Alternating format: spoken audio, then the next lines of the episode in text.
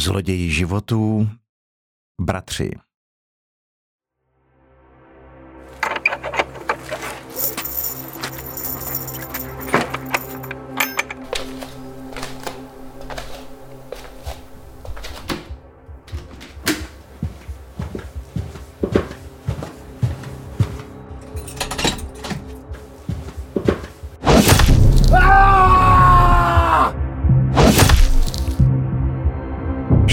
2012. Krátce po sedmé hodině ráno volá na tísňovou linku 112 Jaroslav Hrdička mladší. Velmi rozrušeným a emotivním hlasem oznamuje operátorovi, že v domě svých rodičů v Tymákově právě objevil dvě mrtvá těla. V tratolišti krve leží jeho otec a nevlastní matka. Hned na první pohled je jasné, že v rodinném domě došlo k děsivé tragédii.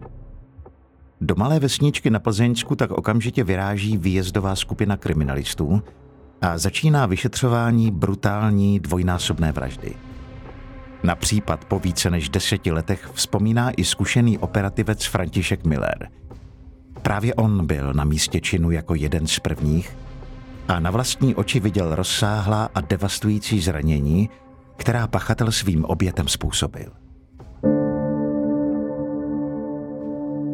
Poškozenému pachatel způsobil uh, sečné poranění v oblasti hlavy, v oblasti krku, dále by tam byly sečné rány uh, na hrudníku a sečné rány jak na horních, tak na dolních končetinách. Uh, u té paní tam ta zranění vypadala na první pohled naprosto, naprosto hrůzně. Tam prakticky došlo k, k úderu nějakým sečným předmětem eh, do hlavy, takže hlava, tam bylo sečné poranění prakticky od čela až po temeno, respektive teda po zátylek a několikanásobné sečné poranění krku. Tak rozsáhlá zranění obou zavražděných samozřejmě způsobila, že je na podlaze obrovské množství krve. Koberec v ložnici, kde k vraždám došlo, je doslova nasáklý. Není proto divu, že je v předsíni na světlých dlaždicích řada krvavých stop, které vedou z ložnice až ke vchodovým dveřím. Mezi tím, co probíhá ohledání místa činu a zajišťování stop, operativci si v nejbližším okolí domu rozdělují úkoly. První podezřelou věcí je několik uvolněných planěk v plotě, který ohraničuje sousední pozemek se zahradou – za plotem navíc vede ve vysoké trávě vyšlapaná cestička až k dalšímu plotu u silnice. A tamto pletivo, tam už bylo ta drátěný pletivo, tak na jednom místě bylo sešlápnutý, velice mírně bylo sešlápnutý směrem k zemi. A nedalo se to poznat, z které strany to drátěné pletivo bylo, bylo, překonané, bylo překonané. Takže k tomu jsme vyslechli majitele ty sousední zahrady, a ten nám uvedl, že do své zahrady prakticky chodí každý den, protože měl doma králíky, takže každý den odpoledne jim tam chodil sekat kosou trávu a uh, nám, že 10. 10. července, když byl na zahradě, tak rozhodně tam žádné uh, pošlapané trávo nebylo a nevšim si ani, že by tam bylo nějak poškozen to, to pletivo. On se vyjádřil, že kdyby tam to pletivo bylo, bylo sešlápnutí, že sekal kousek vedle toho, že by si to určitě všimnul. Takže jsme předpokládali, že tuto je jedna z cest, kudy buď pachatel vnikl na pozemek těch našich poškozených, anebo toho tudy opustil. Jak dále kriminalisté zjišťují, zavraždění manželé měli na dvorku fenku německého ovčáka. Její bouda je přitom pouhé tři metry od uvolněných planěk v plotě. Když jsme se ptali toho souseda, toho majitele té zahrady, který tam chodil sekat tu trávu, když jsme ho potom později vytěžovali, tak nám uvedl, že, jako, že v noci byli všichni doma a neslyšeli nic podezřelého a hlavně co nám řekl, že neslyšeli pejska u sousedů, že by štěkal. Pouze nám uvedl, že ho, uvedl, že ho, že ho slyšeli, jak tam nějak, nějaký pohyb prostě na tom řetězu, ale samotný štěkání, že prostě neslyš, že nikdo z rodiny neslyšel. Když jsme se potom bavili eh, s dalšími sousedy, kteří vlastně bydleli přes ulici, tak ty nám potvrdili eh, vlastně stejné skutečnosti, taky nám uvedli, že ten pejse, ta fenka, vím, že se, ještě si pamatuju, se jmenovala Rita, takže ji slyšeli někde v noci, že oni doslova uvedli, že slyšeli nějaký rachtání na řetězu, ale že prostě taky neslyšeli, že by ten pes v noci na někoho štěkal. Přičemž vlastně ten pejsek, jako jak jsme se dozvěděli, byl poměrně, poměrně ostrý a na, na všechny lidi, kteří procházeli za, za plotem, jako v jiných dnech běžně v noci štěkal. Ale tu ten den ta, ta, ten pejsek, ta Rita, byla uvázaná u boudy. Ačkoliv teda v jiných dnech, jak tam, jak tam ty svědci uváděli, běžně běhala prostě po, po dvoře. Millera a jeho kolegy pochopitelně zajímají i sousedské vztahy. Mohli mít zavraždění Hrdličkovi nějaké nepřátelé? Netrvá příliš dlouho, aby se kriminalisté dostali k rodině Vítkových. Stoubili poslední roky Hrdličkovi na ostří nože. Důvod byl prostý. Kromě dvou synů, které měl zavražděný Hrdlička z prvního manželství, si dvojice vzala do pěstounské péče dvě romské dívky, Ilonu a Petru. Zhruba před čtyřmi lety, kdy bylo Iloně 16 let, došlo mezi Vítkem a nezletilou dívkou k milostnému románku, který se záhy provalil. Zejména zavražděná Hrdličková nesla situaci velmi špatně a od té doby musela soužití obou rodin několikrát řešit až přestupková komise v obci. To bylo poměrně takové, řekněme, zajímavé zjištění pro nás. Sousedka Vítková má ale pro vyšetřování případu ještě další význam. Paní Vítková nám totiž uvedla, že v noci se zbudila kolem půl druhý a šla na toaletu. A když šla na toaletu, tak se, si tam zároveň zakouřila, tak zaslechla, zaslechla od sousedů kolem těch půl druhý nějaký výkřik. Jako v tom hlase jednoznačně poznala pana Hrdličku. Ona se vyjádřila, že to byl prostě takový bolestivý výkřik, jako že poznal, jako když někdo někomu něco udělá. Na chvilku nastalo ticho, pak se ozval další výkřik. To poznal taky hlas pana Hrdličky a na, potom poznala hlas jeho manželky, která, která měla zvolat Jardo, co je, nebo možná Jardo, co se děje. A pak měl následovat nějaký další výkřik ze strany poškozený, něco jako pomoc. Vítková v tu chvíli zhasla světlo na záchodě a ani nedutala. Uši měla nastražené, ale z domu od sousedů už nic neslyšela. Po chvíli se přesunula k oknu v kuchyni, odkud měla lepší výhled. Dalších zhruba 15 minut ještě pozorovala, jestli se něco nestane. V okolí už byl ale naprostý klid. Až podezřelý klid. Žádné hlasy, žádný křik, žádný štěkotrity. Takové informace vedou kriminalisty k jedné z prvních vyšetřovacích verzí. Pachatelem by mohl být někdo, koho Rita znala. Někdo z blízkého okolí Hrdličkových.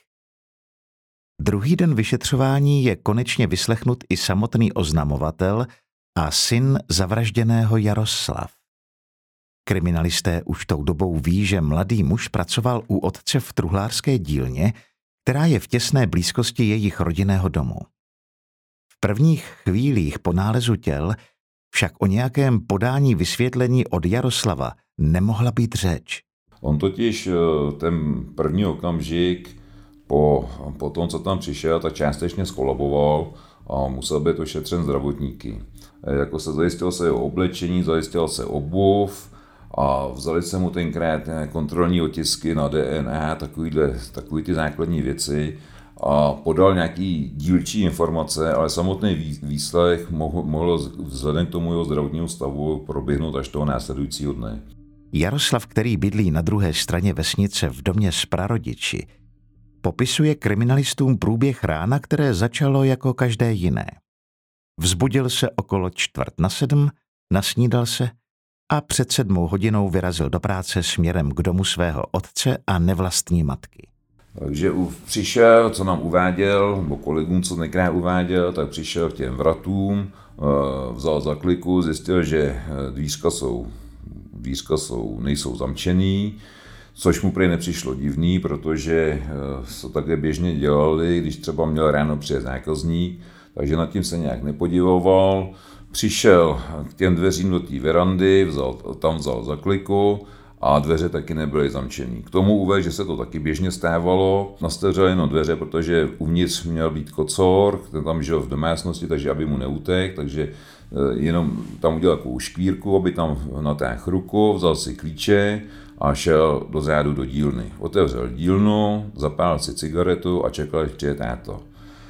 No, když dokouřil cigaretu, tak jsem to zdálo už nějaký divný, tak šel dovnitř do baráku, otevřel dveře a zavolal do, tý, do té verandy, volal na svého otce. Nikdo se neozýval a tak vešel, vešel dovnitř, podíval se na zem a teď už tam viděl nějakou krev. Tak ho napadlo, jestli se tátovi něco nestalo, tak jak tam uve, tak proběh tou chodbou až, až k, k, té, té ložnici a když rozsvítil v té ložnici, tak prostě tam viděl ležet otce na zemi, celý od krve a podstatný bylo, že nám tam i popsal zranění, které spatřil na té své nevlastní matce.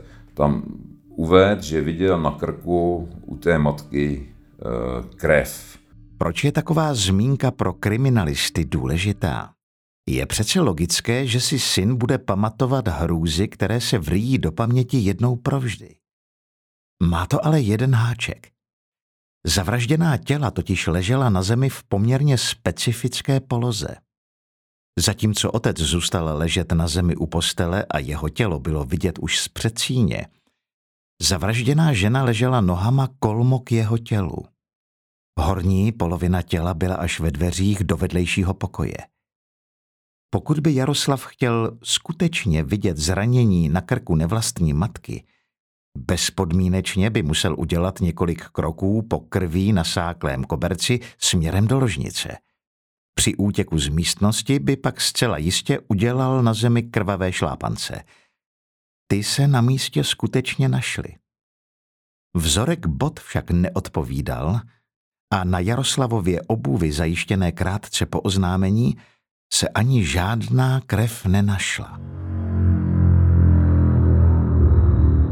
Samozřejmě jsme prováděli šetření k těm zavražděným manželům, tam jsme potřebovali získat veškeré informace, takže jsme tam té obci jsme vyslechli všechny lidi, co byli doma. Já tak pro představu, tam jsme vyslýchali zhruba 160 lidí, ze všema se muselo mluvit, na všech, všech jsme se ptali, jestli tam v noci prostě někoho neviděli, něčeho si nevšimli, takže to byly, ty první dny byly skutečně takový hektický. O nějakém volnu nebo odpočinku si můžou nechat kriminalisté jenom zdát. První tři dny se prakticky nespí. Nejen, že se musí vyslýchat svědci, zajišťovat a vyhodnocovat stopy, ale ani mozky operativců v té době prakticky nevypínají a spánek nepřichází v úvahu. Jeden z Millerových mladších kolegů přichází tou dobou s dalším poznatkem. Na první pohled se jeví jako důležitý. Totiž on se dozvěděl tam od nějakých svědků, že asi den nebo dva dny před vraždou eh, tam spatřili, tam spatřili ty dvě dívky, které ty manželé měli v pěstounské péči. Ta jedna nám řekla, že tam za mémou byla naposledy někde před měsíce nebo před třema týdnama a ta druhá nám to ani jako se o tom nějak nezmínila, že by tam prostě byla. Takže to se nám zdálo trošku divný, že, nám, že by nám tu takovouhle informaci ty holky zamlčely. Ale tam nastaly takový trochu pochybnosti, jestli se toho oni mohli, mohli vůbec dopustit, protože eh, ty stopy, které tam prostě, ty krvavé stopy, které tam byly zajištěny, to byly nějaké desítky nebo jedenáctky a ty holky měly nohu poměrně malou, to byly nějaký, když to řeknu, nějaký štěrky, štěrkou nohu. Takže jsme, jako je přímo, že bychom podezřívali, to se také říct nedá, ale spíš jsme se soustředili na ty na ty lidi z, jejího, z jejich okolí.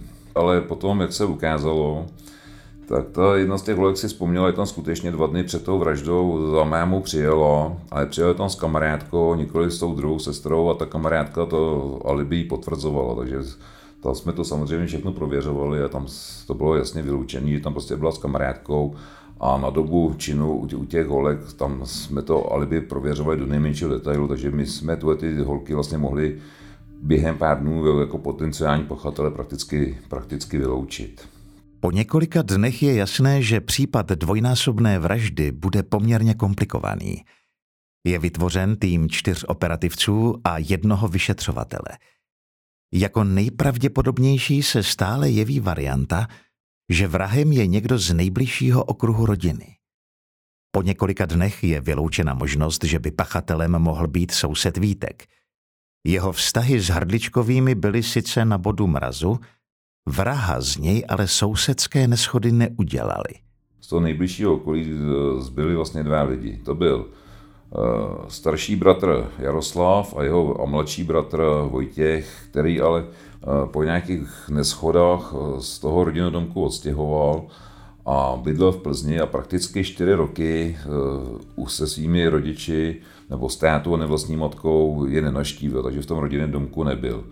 Že ale Vojtěch nenavštěvoval otce a nevlastní matku ještě neznamená, že by se Tymákovů vyhýbal jako čert kříži. Právě naopak.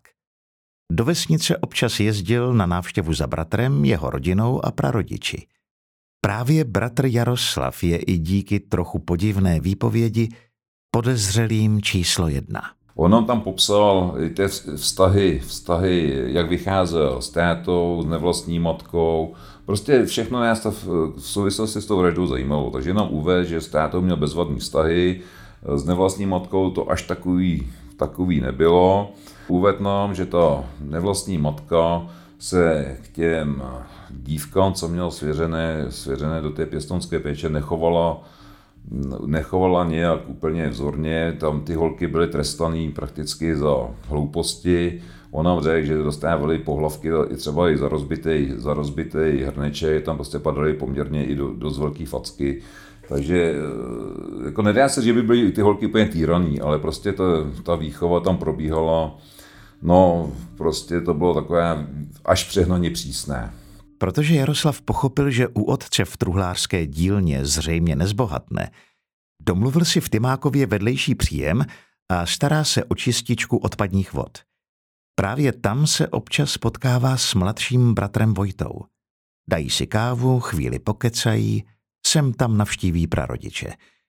Zdá se, že oba bratři mají mezi sebou vytvořené silné pouto. Jak sám Jaroslav přiznává, Podobné návštěvě došlo i 10. července 2012, tedy den před vraždou Hrdličkových. Oba bratři vyrazili do domu prarodičů, odkud Vojtěch k večeru odjel k sobě domů do Plzně. A tady nám ještě, jak, jak ten Vojtěch, tak ten Jarda nám řekli, že tam ten Vojta měl říkal, že má večer nějaký rande a že už se ho domluval asi po třetí a když mu to prostě nevíde, takže už se na tu holku, jak sám uvedli, prdne. A pamatuju si to dne, že to tam uváděli v 6.02, poslal Vojtěch, Vojtěch tomu Jardovi sms že rande mu prostě nevyšlo.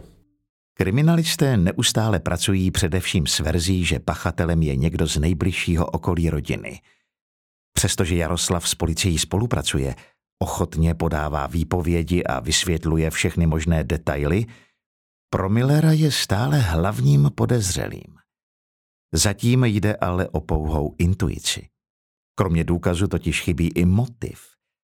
A že by byl Jaroslav tak dobrý herec a sehrál po dvojnásobné vraždě divadlo se zhroucením, pořád ale chybí zodpovědět otázku, jak je možné, že Jaroslav věděl o detailech zranění nevlastní matky, když je ze vstupu do ložnice nemohl vidět, aniž by si umazal boty od krve.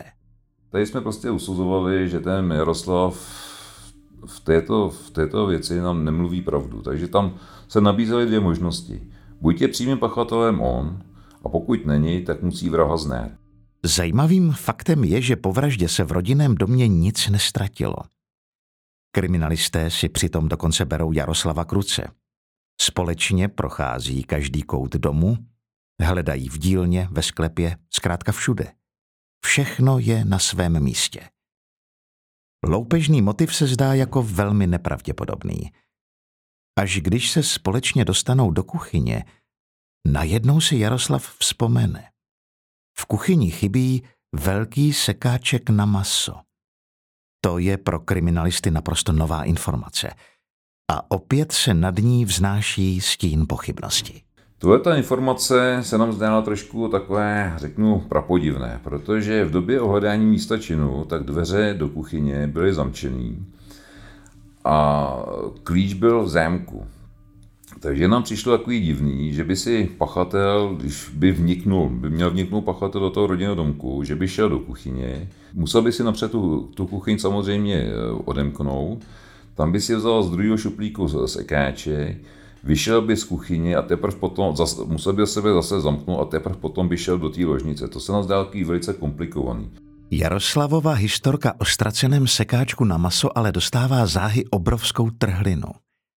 Kriminalisté totiž na nic nečekají a rovnou se ptají dcer zavražděných, co ví o sekáčku na maso v kuchyni. Mladé ženy nezávisle na sobě příliš nechápou, o co jde. Pokaždé, když se chystalo maso z kostí, bral se za tím účelem velký nůž a dřevěná palička. Žádný sekáček na maso v domě nikdy nebyl. V dalších dnech vyšetřování kriminalisté neustále sbírají o Jaroslavovi veškeré možné informace.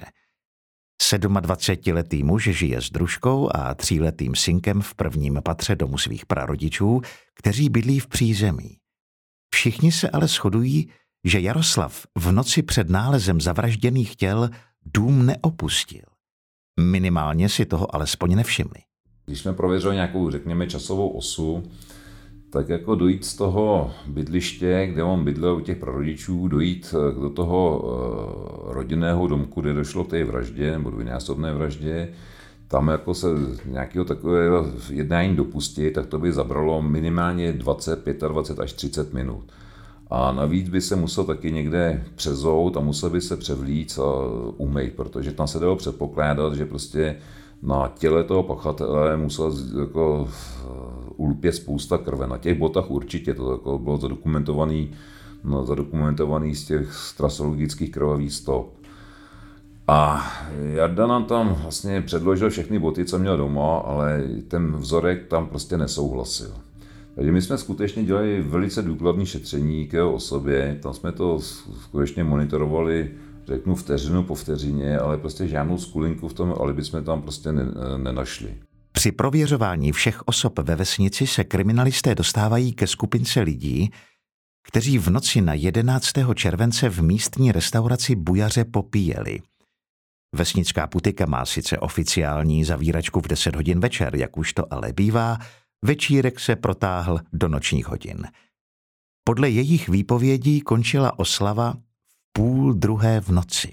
Tak uslyšeli opodál kde fouknou dveře od auta, po chviličce se tam odsaď vyjelo nějaký auto bez rozsvícených světel, dojelo tam k místní škole, tam se to auto otočilo a velice prudkou rychlostí prostě vyjelo jako ven z obce. A jak nám uvedli, tak světla se rozsvítily do toho auta asi až po nějakých ujetí 200 metrů. Jenomže výpovědi svědků mají jeden zásadní problém – Všichni čtyři byli při odchodu posilněni alkoholem a to takže hodně. Zatímco jedna svědkyně pomalu přísahá, že viděla dodávku, její kamarád zase s jistotou mluví o starším hranatém osobním autě. I přes rozpory ve výpovědích svědků se ale pomalu začínají informace spojovat. Sousedka Vítková, která v noci kouřila na záchodě a slyšela křik, si pamatuje, že na hodinách bylo 01.30. Čtyři svědci opouštěli hospodu krátce po půl druhé a viděli odjíždět auto bez rozsvícených světel. Navíc ve vzdálenosti, která se od domu Hrdličkových v klidu dala ujít během krátké chvíle. Kriminalisté projíždějí snad všechny kamery v okolí. Mravenčí práce ale úspěch nepřináší. Hranaté auto ani dodávka se nikde neobjevila. V té době probíhá v domě, kde došlo k vraždám, vyklízení věcí. Koberce od krve, kontaminovaný a rozbitý nábytek a další věci končí ve spalovně. Hlavním aktérem je Jaroslav, který si na pomoc bere jednoho z mála kamarádů, které má. Kriminalisté celou akci zpovzdálí sledují. Pokud by se Jaroslavovi podařilo něco ukrýt, třeba vražednou zbraň nebo krví potřísněný oděv, teď má jedinečnou možnost se toho zbavit. V odvezených věcech ale nic podezřelého není. Výpověď kamaráda má ale obrovskou hodnotu. On mu to potvrdil ty samé informace, co vlastně řekl nám, že tu nevlastní matku jasně viděl ty zranění na tom krku. Tak to už pro nás byl jeden velký rozpor, ale pak mu řekl, že zjistil, že v tom baráku, v tom rodinném domku těch poškozených se ztratila poměrně velká finanční částka. My jsme se ho několikrát ptali, jestli prostě eh, tam nedošlo k odcizení peněz nebo nějakých ceností. Vždycky nám řekl, že ne. Jo, my jsme s ním, s ním byli v kontaktu prakticky každý den s tím, s tím Jaroslavem. A zrovna tak jsme se ho ptali, jestli třeba došlo k nějaké ztrátě klíčů nebo odcizení klíčů. Vždycky nám, po každý nám řekl, že prostě žádný klíče eh, neschází. Dokonce jsme se od něj dozvěděli, že tuším, že v Dubnu, když ty holky eh, z toho baráku odešly, takže táto nech, vyměnil i, i, vložku, i vložku v zámku. Když se Jaroslav kamarádovi svěřil o údajných ukradených penězích, vyprávěl také o účelu našetřených peněz. Mělo prý jít o obálku s 80 tisíci, za které se otec chystal koupit novou frézu do truhlářské dílny. Když se dozví o tom, že se ke kriminalistům tato informace dostala, okamžitě vysvětluje, že si na obálku s penězi původně nevzpomněl.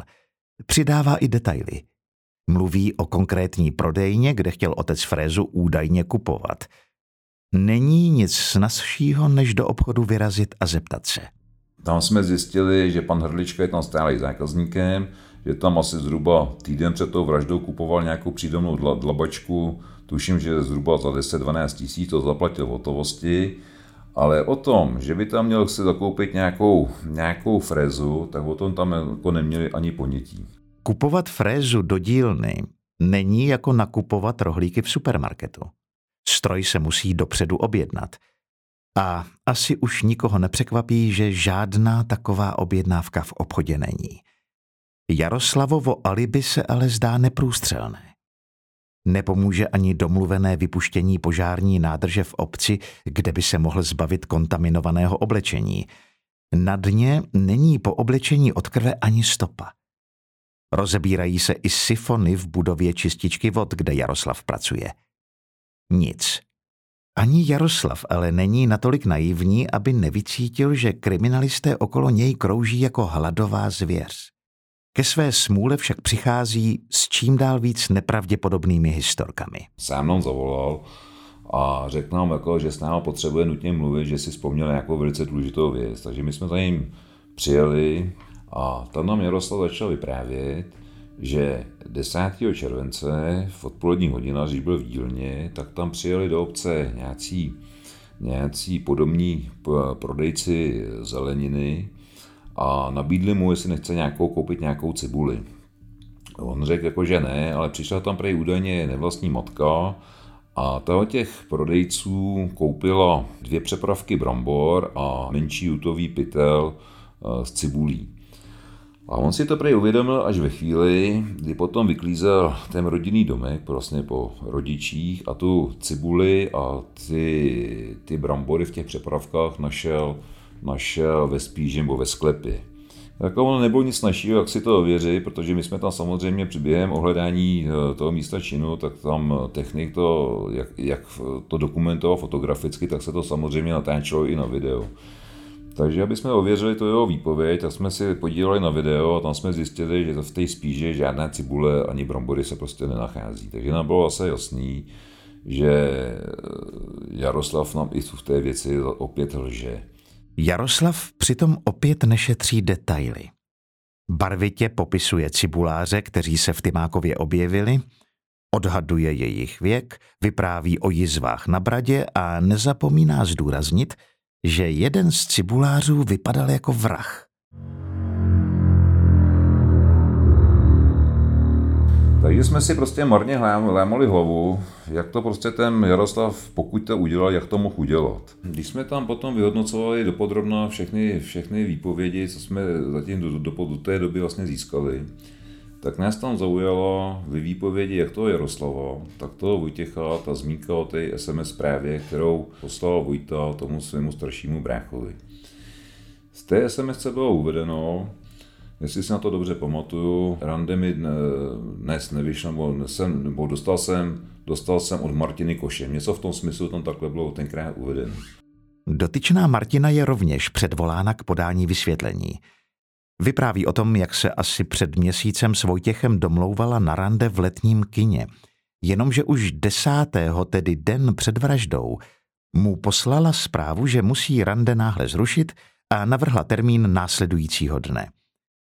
O chvíli později se s Vojtěchem viděla osobně, když ji navštívil v práci. Společně probírali osobní problémy Martiny, kvůli kterým mladá žena rande musela zrušit. Z těchto informací vyplývá jediné. Že se rande nepovede, věděl Vojtěch už v době, kdy přijel za Jaroslavem na návštěvu k čističce. Tak jsme si říkali, proč mu takovouhle zprávu vlastně posílal. A jediné, co nás tenkrát napadlo, že to je nějaký zašifrovaný sdělení a obsah eh, v tom případě Jarda asi musí, musí znát, co za hrůzu to může taky znamenat. Kromě podivné SMS zprávy kriminalisté vědí, že Vojtěch jezdí specifickým typem Citroenu, který by mohl odpovídat popsanému malému a hranatému autu. Pozornost policie se pomalu stáčí na mladšího z bratrů. Teďko jsme začali teda chápat, proč nám, proč nám teda ten, eh, proč nám ten eh, Jaroslav tohle ty nepravdivé informace uh, průběžně poskytoval, že zřejmě chtěl odvrátit pozornost vlastně od svého mladšího bratra. Zásadní posun v případu přináší porovnání pachových stop. Na klice od dveří vychází schoda s Vojtěchem. Schoda se objevuje i z místa vedle zavražděného otce – od tohoto okamžiku mají kriminalisté jasno. Jenomže přímé důkazy stále chybí a pachové stopy jsou na sdělení obvinění málo. O Vojtěchovi kriminalisté zjišťují, že měl v práci několik dní před vraždami nahlášeny noční směny. Po návštěvě u bratra a prarodičů měl mít volno a už při prvních rozhovorech s kriminalisty tvrdil, že byl unavený, šel brzy do postele a chtěl se pořádně vyspat. Opět tak není jasné, proč už v šest ráno posílal bratrovi SMSku. Takže aby jsme získali eh, další důkazy proti podezřelýmu, tak jsme se rozhodli, že ještě uděláme další, další věc a to znamená, že jsme se vrátili, nebo jsme, že jsme přibrali znalce eh, z oboru forenzní biomechanika, aby nám se vyjádřil k těm trasologickým stopám, které na, na, na místě činu pachatel zanechal. Ono zase takhle, když eh, máte několik stop pohromadě, respektive celou pěšinku té chůze, tak jako znalec toho dokáže vyskoumat různé věci, různé parametry. Takže znalci jsme položili několik otázek, ale dvě tam byly zásadní. Chtěli jsme po něm, aby nám určil z té pěšinky chůze, aby vypočítal uh, výšku toho člověka, který je tam zanechal, plus další parametry, které jsou prostě možný z toho zjistit. Jako my jsme znali eh, výšku obou těch bratrů samozřejmě. Jo. Tam ten Jaroslav, ten měřil nějakých 174 cm, a ten Vojta, ten byl podstatně vyšší, nebo ne podstatně, ale měl asi 177,5 cm. Takže jsme to zadali znalci, eh, aby nám to prostě eh, nějakým způsobem eh, tyhle ty parametry spočítal. Takže ten přijel, ten potom přijel na místo činu. Tam jako naštěstí na té podlaze, naštěstí pro nás tam byly dlaždice. Takže ty stopy se daly celkem bez problémů zrekonstruovat podle fotodokumentace, takže se tam prostě přikládaly průsvitné folie se stopama obuvy, který tam z velikosti, který tam vlastně zanechal pachatel. Tomu bych ještě chtěl podotknout, že vlastně ten, jak ten Jaroslav, tak ten Vojta měli prakticky naprosto stejnou velikost boty, takže ani podle toho nebylo to nějaký vodítko, který z nich to tam prostě to, tu stopu mohl zanechat. No a když jsme dostali od znalce, řekněme po nějakých 14, 14 dnech nějakou odpověď, tak dospěl k výšce té postavy, eh, které eh, ty, tam ty stopy zanechalo, myslím si, že tam bylo 179 cm. takže se to blížilo k tomu, k tomu Vojtovi. Vojtovi jsme věděli, že má 177,5, ale tomu ještě musíme teda přepočít výšku nebo tloušku vlastně podrážky, protože to byla samotná postava prostě bez bod. Znalec má pro kriminalisty ještě jednu důležitou informaci. Ten, kdo na místě stopy zanechal, má specifický styl chůze. Levou nohu vytáčí zhruba o 12 stupňů víc než pravou. My jsme samozřejmě měli nesčetněkrát možnost jako pozorovat, pozorovat uh, styl chůze obou, obou těch bratrů. A když jsme se na to soustředili, tak jako skutečně tam bylo jasně patrný, že Vojta při chůzi měl nějakou atypickou kolebovou chůzi a ta jeho levá noha eh, vybočovala do strany víc, prostě daleko víc než ta pravá, takže jsme si jako byli naprosto jistí, že už jsme tentokrát správní. K přeměřování stop přímo na místě činu se váže i jedna pikantní informace. Když Miller opět zkoumal s technikem krvavé šlápance, na místě se objevil Vojtěch, který šel zrovna za bratrem. Přitom se nabídl, že Millerovi sám přidrží měřící pásmo. Takže já jsem věděl, že eh, mi s tím pomáhá pravděpodobný vrah. Říkám, bylo to takový trošku možná až zajímavý. Zdá se, že všechny možnosti zajišťování důkazů jsou vyčerpány. Kriminalisté se tak rozhodují pro realizaci. Pro Vojtu jsme eh, dojeli, on byl se nacházet, věděli jsme samozřejmě o jeho pohybu, nebo kde se bude vyskytovat, takže on byl na návštěvě nějaké chatě, tak eh, při té cestě, když tam jel, tak jsme prostě ho vyzvali k podání vysvětlení. Udělali jsme to takovým způsobem, aby se to prostě Jaroslav v danou chvíli nemohl dozvědět. Vojtu jsme přivezli k nám na krajské ředitelství, tam jsme mu předestřeli nějaké naše závěry. Sdělili jsme mu, že je podezřelý ze, ze spáchání vraždy otce a nevlastní matky. Po poučení jsme se ho samozřejmě zeptali, jestli bude vypovídat a Vojta neřekl ani jedno jediné slovo. Tam jsme se dostali do té situace, že jsme se ptali prostě možná 20 minut, jestli chce vypovídat nebo nechce vypovídat, jestli chce přítomnost eh, advokáta nebo nechce. A Vojta prostě 20 minut mlčel, nechtěl nám říct ani svý nacionále, když jsme se ptali, tak aspoň nám řekni, jestli se jmenuje Vojta, prostě mlčel. Asi tak po těch 20-25 minutách zvedl hlavu a řekl, on mi tam vypovídat. V zápětí míří Vojtěch Hrlička na celu předběžného zadržení. Druhý den ráno si policie jede i pro Jaroslava.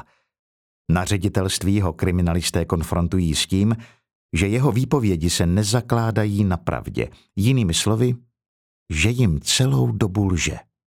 Když Jaroslav vidí a slyší, že kriminalisté už o pachateli nemají pochyb, rozbrečí se. Zajíkavým hlasem špitne, že už to v sobě neudrží. Oznamuje, že vrahem je jeho bratr Vojtěch. Vypadá to, že Jaroslav u podání vysvětlení snad poprvé od nálezu těl mluví před kriminalisty pravdu. Rozhoduje se, že všechno vysvětlí. Poprvé se zmiňuje o citlivé rodinné záležitosti. Přibližně dva měsíce před vraždami mu údajně nevlastní matka měla vyčítat, že se špatně stará o svého syna. Vyhrožovala, že se postará o to, aby tříleté dítě dostala do pěstounské péče. To byla informace, která pro nás byla naprosto překvapivá, protože my jsme dělali, říkám, naprosto detailní šetření, ale nic takového jsme prostě, že takový nějaký indicie tam takovýhle byly, to jsme jako prostě jako netušili. Jaroslav ale v historce pokračuje. Sám byl prý z takové informace zaražený a doma se nikomu nesvěřil. Když přišel k nevlastní matce asi o týden později, Situace se měla opakovat. Zavražděná hrdličková Jaroslavovi prý navíc řekla, že už byla dokonce na sociálce, kde si zjišťovala informace. Takže jak on se nám, co nám tam řekl k tomu, takže on z toho byl úplně zničený, takže se s ním svěřil Vojtěchovi a Vojtěch mu o to měl říct, že to, že to s tátou a s nevlastní matkou nějakým způsobem projedne.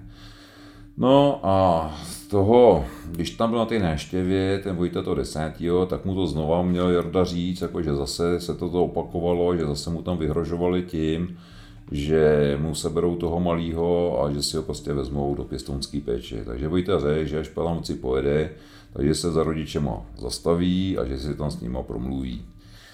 Říkám, to je ta informace fakt jako pro nás bylo docela překvapující, protože když jsme potom dělali i šetření na té sociálce, tak eh, jsme tam nezjistili vůbec žádný poznatky k tomu, že by si tam ta macecha nějaké informace jako obstarávalo. Jo. Říkám, bylo nám i divný, že by se třeba ten Jaroslav o tom nezmínil ani doma před tou družkou, že prostě ta, ty jeho rodiče nebo otec nevlastní matkou mají takovýhle úmysl, že by jako chtěli, chtěli jejich dítě vlastně do svý pěston nebo do pěston, dostat do pěstonské péče. A k tomu jsme prostě nezjistili vůbec nic.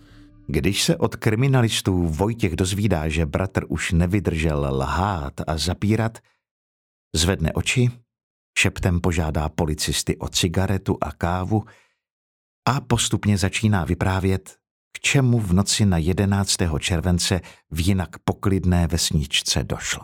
Vojta prostě řekl, že eh,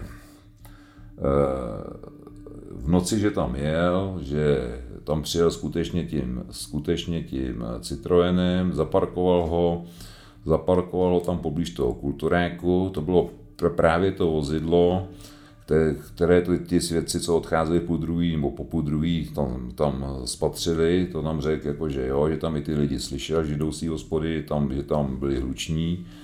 Takže tu to nám taky potvrdil, že tam přišel, že tam přišel do toho rodinného domku, taky nám řekl, že zamčeno nebylo, eh, přišel do té ložnice, orientoval se podle chrápání, kopnul do postele, otec se, otec se měl zbudit, měli tam prý prohodit nějaký slovo, mělo dojít nějaký hádce, no a on použil tu sekeru.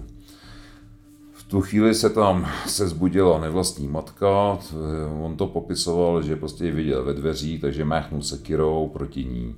Pak nám tam uváděl, že měl mlhu a že už si prostě nadál jako na to nespomíná na další průběh. Jako uvedl nám, že nepřekonával žádný, žádný ploty, že tam přišel normálně odem, odemčenou brankou.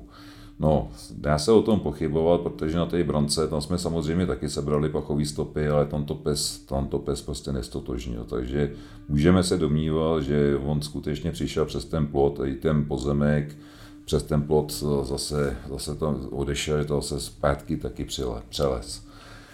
No, pak nám prostě uved, že nasednul to auta, jel směrem na Plzeň, zastavil se eh, ve Šťáhlavicích na mostě, tam se převlékl, protože měl sebou náhradní oblečení, náhradní obuv, eh, ty věci dal do nějakého pytle eh, a hodil ho do řeky Úslavy.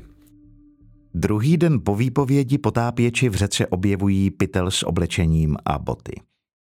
Ty jsou porovnány se stopami od krve na místě činu.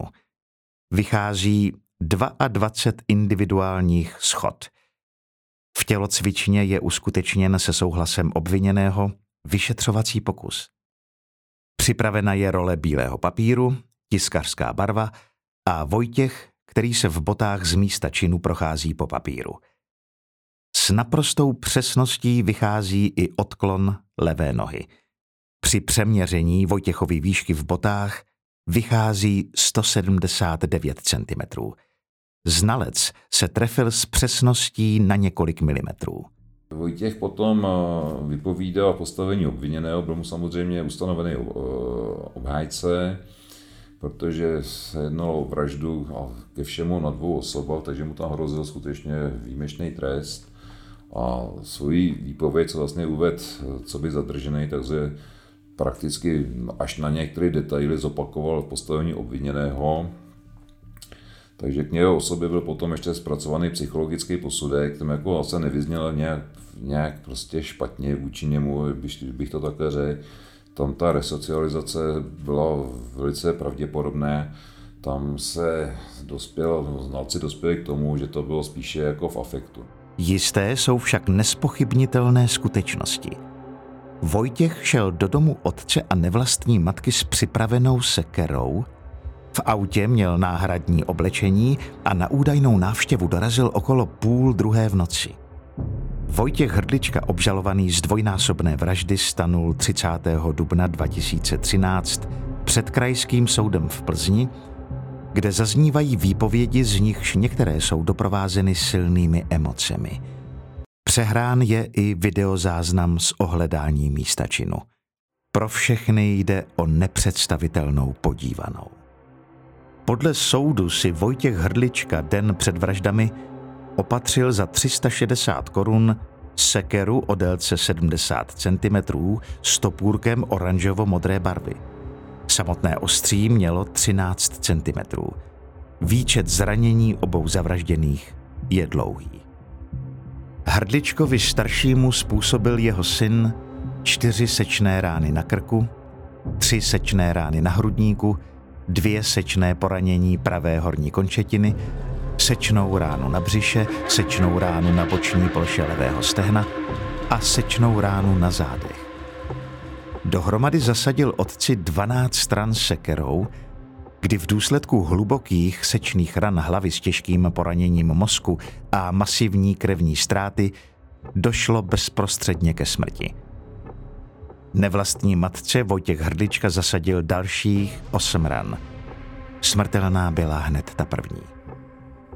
U soudu zaznívá i motiv, ve kterém hrála roli zřejmě i nahromaděná zlost.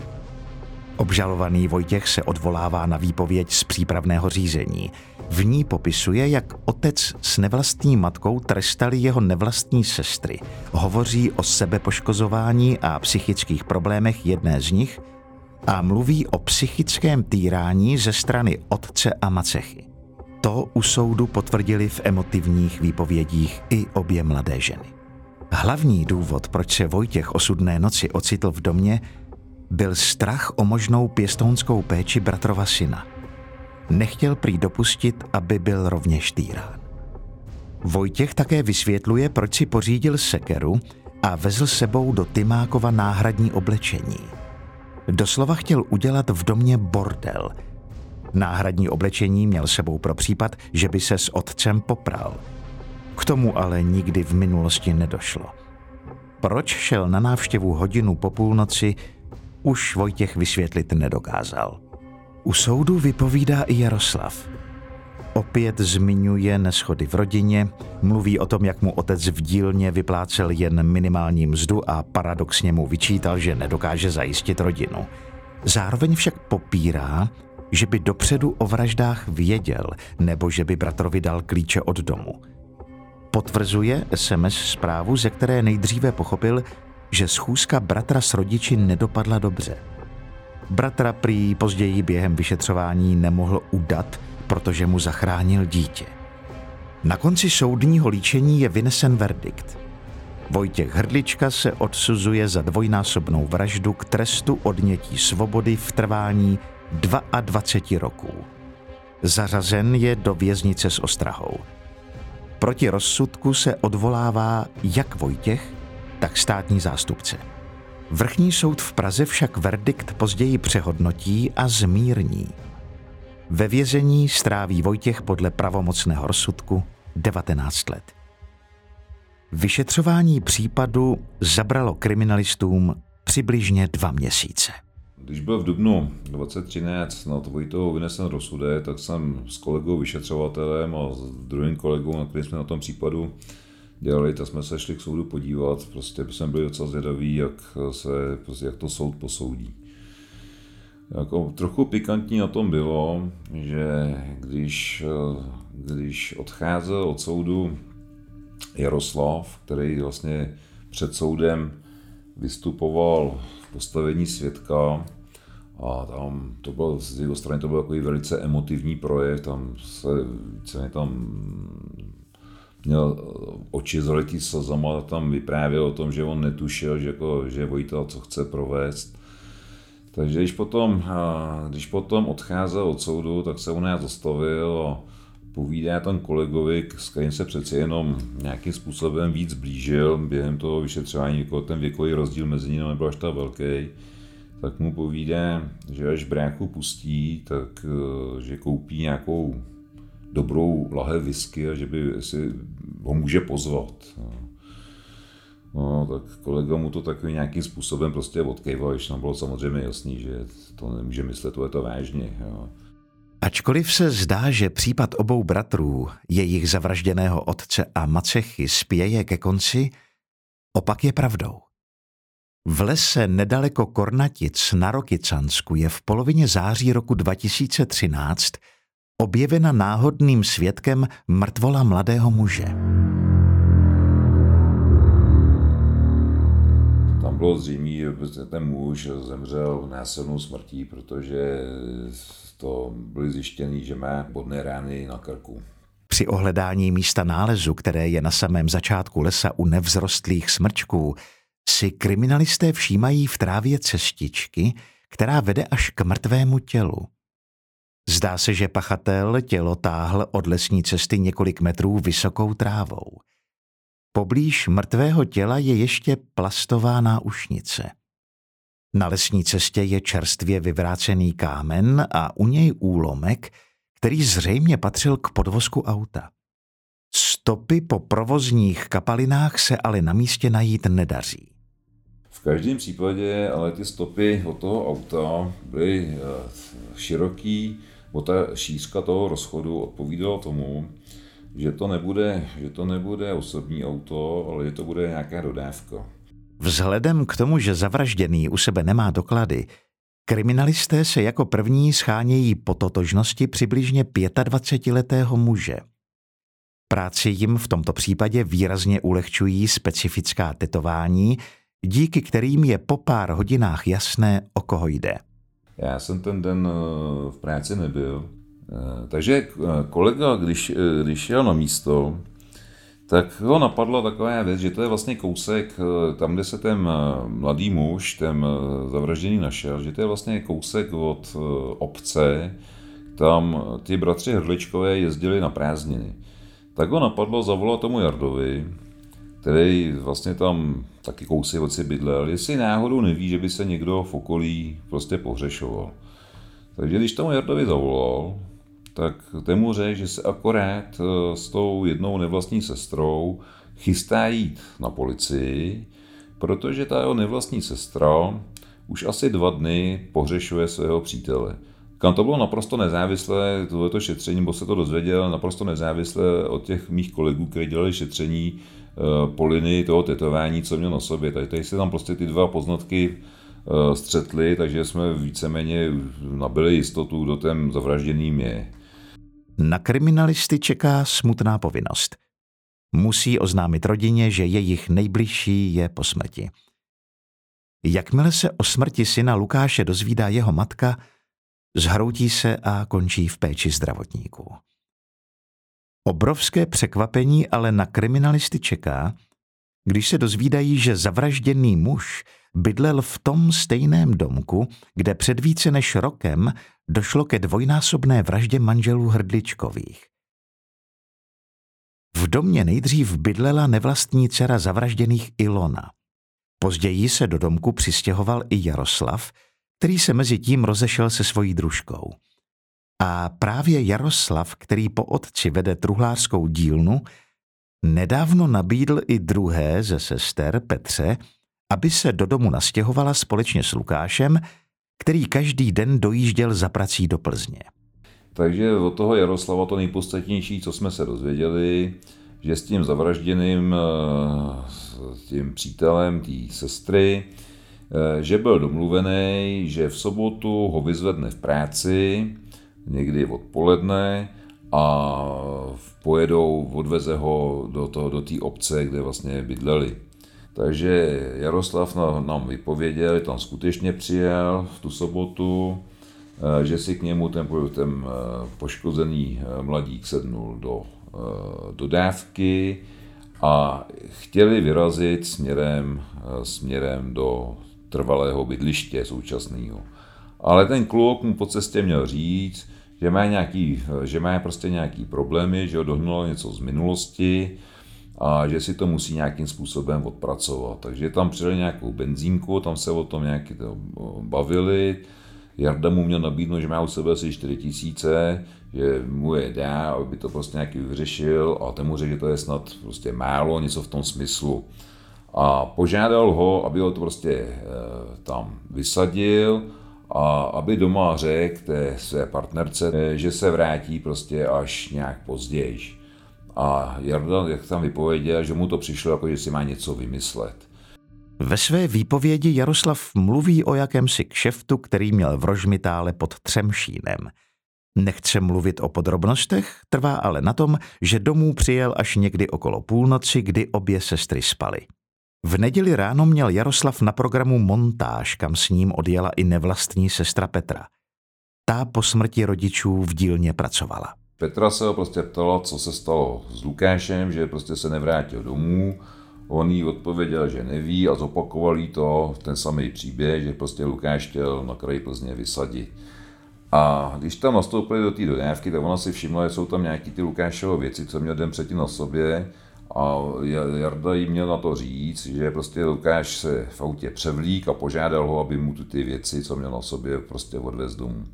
Jaroslav s Petrou celou neděli strávili na montáži. Nervózní Petra přitom celý den myslela spíš na Lukáše a neustále se mu zkoušela dovolat a posílat zprávy. Telefon byl tou dobou nedostupný.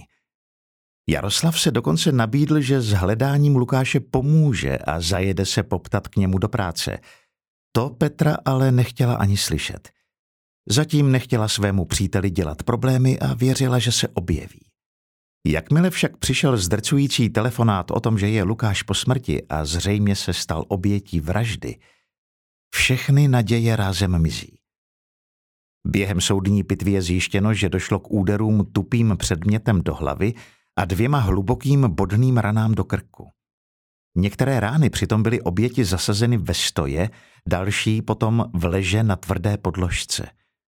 U takových zranění se dá předpokládat masivní ztráta krve – na místě nálezu ale krve příliš nebylo. Nabízí se, že k vraždě došlo na jiném místě a pachatel se v lese těla pouze zbavil. Jaroslavova historka o jakýchsi Lukášových problémech se začíná rozpadat ve chvíli, kdy se kriminalisté dostávají k datům od mobilního operátora. V době, kdy měl Jaroslav údajně doručovat zásilku v Rožmitále, byl jeho telefon v těsné blízkosti místa, kde bylo později objeveno tělo. Kriminalisté si však chtějí být jistí a zajišťují další stopy včetně pachových. Na realizaci přitom nelze čekat příliš dlouho. Je jenom otázkou času, kdy někomu z členů rodiny všechno docvakne. Následovat by mohla další tragédie. Z výpovědi sestry Ilony mají navíc kriminalisté pocit, že mladá žena tuší, kdo Lukáše zabil.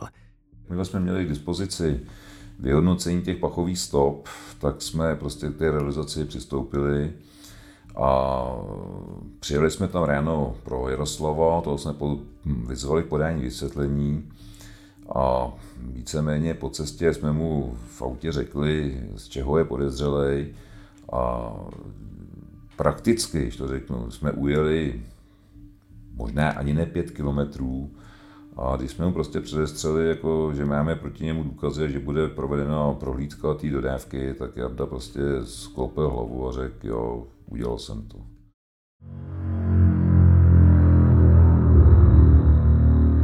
Zbývá zodpovědět otázku, proč proč zabíjel nevinného mladého muže a přítele své nevlastní sestry. Hlavním motivem byla neopětovaná láska. Jaroslav je do své nevlastní sestry Petry zamilovaný až po uši. Takové náznaky ostatně zaznamenali kriminalisté už během vyšetřování dvojnásobné vraždy manželů Hrdličkových. Jaroslav sice vraždu přiznává, co přesně se ale mezi dvojicí mužů odehrálo, dodnes není dost dobře možné dokázat. A jak nám tam uváděl, tak ten Lukáš měl nějakým způsobem pomlouvat. Tam došlo mezi nimi k háce a Jaroslav vzal kladivo a udeřil ho do hlavy a potom použil ten lovecký nůž, kterým ho do, vlastně dokonal tu vraždu. On nám uvedl, že ty věci má, že je, má schovaný doma na půdě, Takže když jsme potom udělali prohlídku, prohlídku u něj doma, tak jsme tam ty věci skutečně nalezli. Nalezli, nalezli jsme tam i ten mobilní telefon toho, toho Lukáše, nalezli jsme tam i tu vražednou zbraň. Akorát jsme tam nenašli kladivo, to nám řekl, že vyhodil během cesty, během cesty z toho jedoucího auta. Takže v tom místě, který nám označil, tak tam jsme prostě udělali prostě pátrací akci, tam jsme použili několik psů, ale prostě to kladivo jsme tam nikde nenašli. Ono totiž taky vrchol a houbařská sezona, takže je možné to tam mohl najít někdo z houbařů. Jaroslav Hrdlička, nyní už obviněný z vraždy, svoji původní verzi zopakoval a potvrdil tak svoje původní přiznání. Soud uznal jako polehčující okolnost přiznání, dosavadní bezúhonost a projevenou lítost. Potrestal ho 14,5 lety odnětí svobody se zařazením do věznice s ostrahou. U soudu se Jaroslav kál, omlouval se a místy měl v očích slzy. Zda byly jeho slzy důkazem upřímné lítosti nebo jen dopředu promyšleným hereckým výkonem a kalkulem, ví dnes už jen on sám. Výsledkem počínání dvou bratrů, kteří až do spáchání vražd neměli ani jeden záznam v trestním rejstříku a nikdy nebyli řešeni ani pro přestupek, jsou tři mrtví lidé. Na konci příběhu přesto zůstává několik otázek a domněnek, které už nelze s naprostou jistotou potvrdit ani vyvrátit. Vražda Lukáše byla u soudu kvalifikována jako situační, tedy dopředu neplánovaná. Lze se ale domnívat, že Jaroslav měl na Lukáše spadeno dlouhodobě. Podle informací kriminalistů totiž jeho láska k Petře trvala mnohem déle, než sám Jaroslav uvedl. Že by ale Jaroslav vraždu plánoval, se nikdy nepodařilo prokázat. Spekulovat se dá i o Jaroslavově roli v případu dvojnásobné vraždy bylo jednoznačně prokázáno, že vrahem je jeho bratr Vojtěch. Soud uznal, že Jaroslav o bratrově plánu nevěděl a že vraždy spáchal Vojtěch, se dozvěděl až s několika denním odstupem. To ostatně ve výpovědi potvrdil i Vojtěch. Jisté informace však naznačují, že náhod bylo až příliš mnoho. Specificky zaparkovaná auta u domu Hrdličkových, která bránila ve výhledu sousedům, nezvykle uvázaná ryta u boudy, všude odemčeno, sekera zakoupená ještě před odpolední návštěvou v Tymákově, připravené náhradní oblečení. Z pohledu soudu se ale skutečně nikdy nepodařilo prokázat, že by Jaroslav o vraždách dopředu věděl a podílel se na jejich plánování. Oba bratři spolu po odsouzení strávili určitý čas ve stejné věznici – podle nepotvrzených informací však společný výkon trestu nedělal dobrotu a dnes si oba odpikávají dlouholeté tresty každý zvlášť.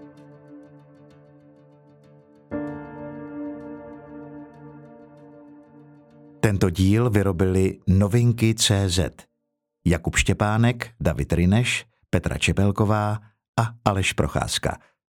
Speciální poděkování patří všem plzeňským kriminalistům, kteří se na objasnění vražd podíleli.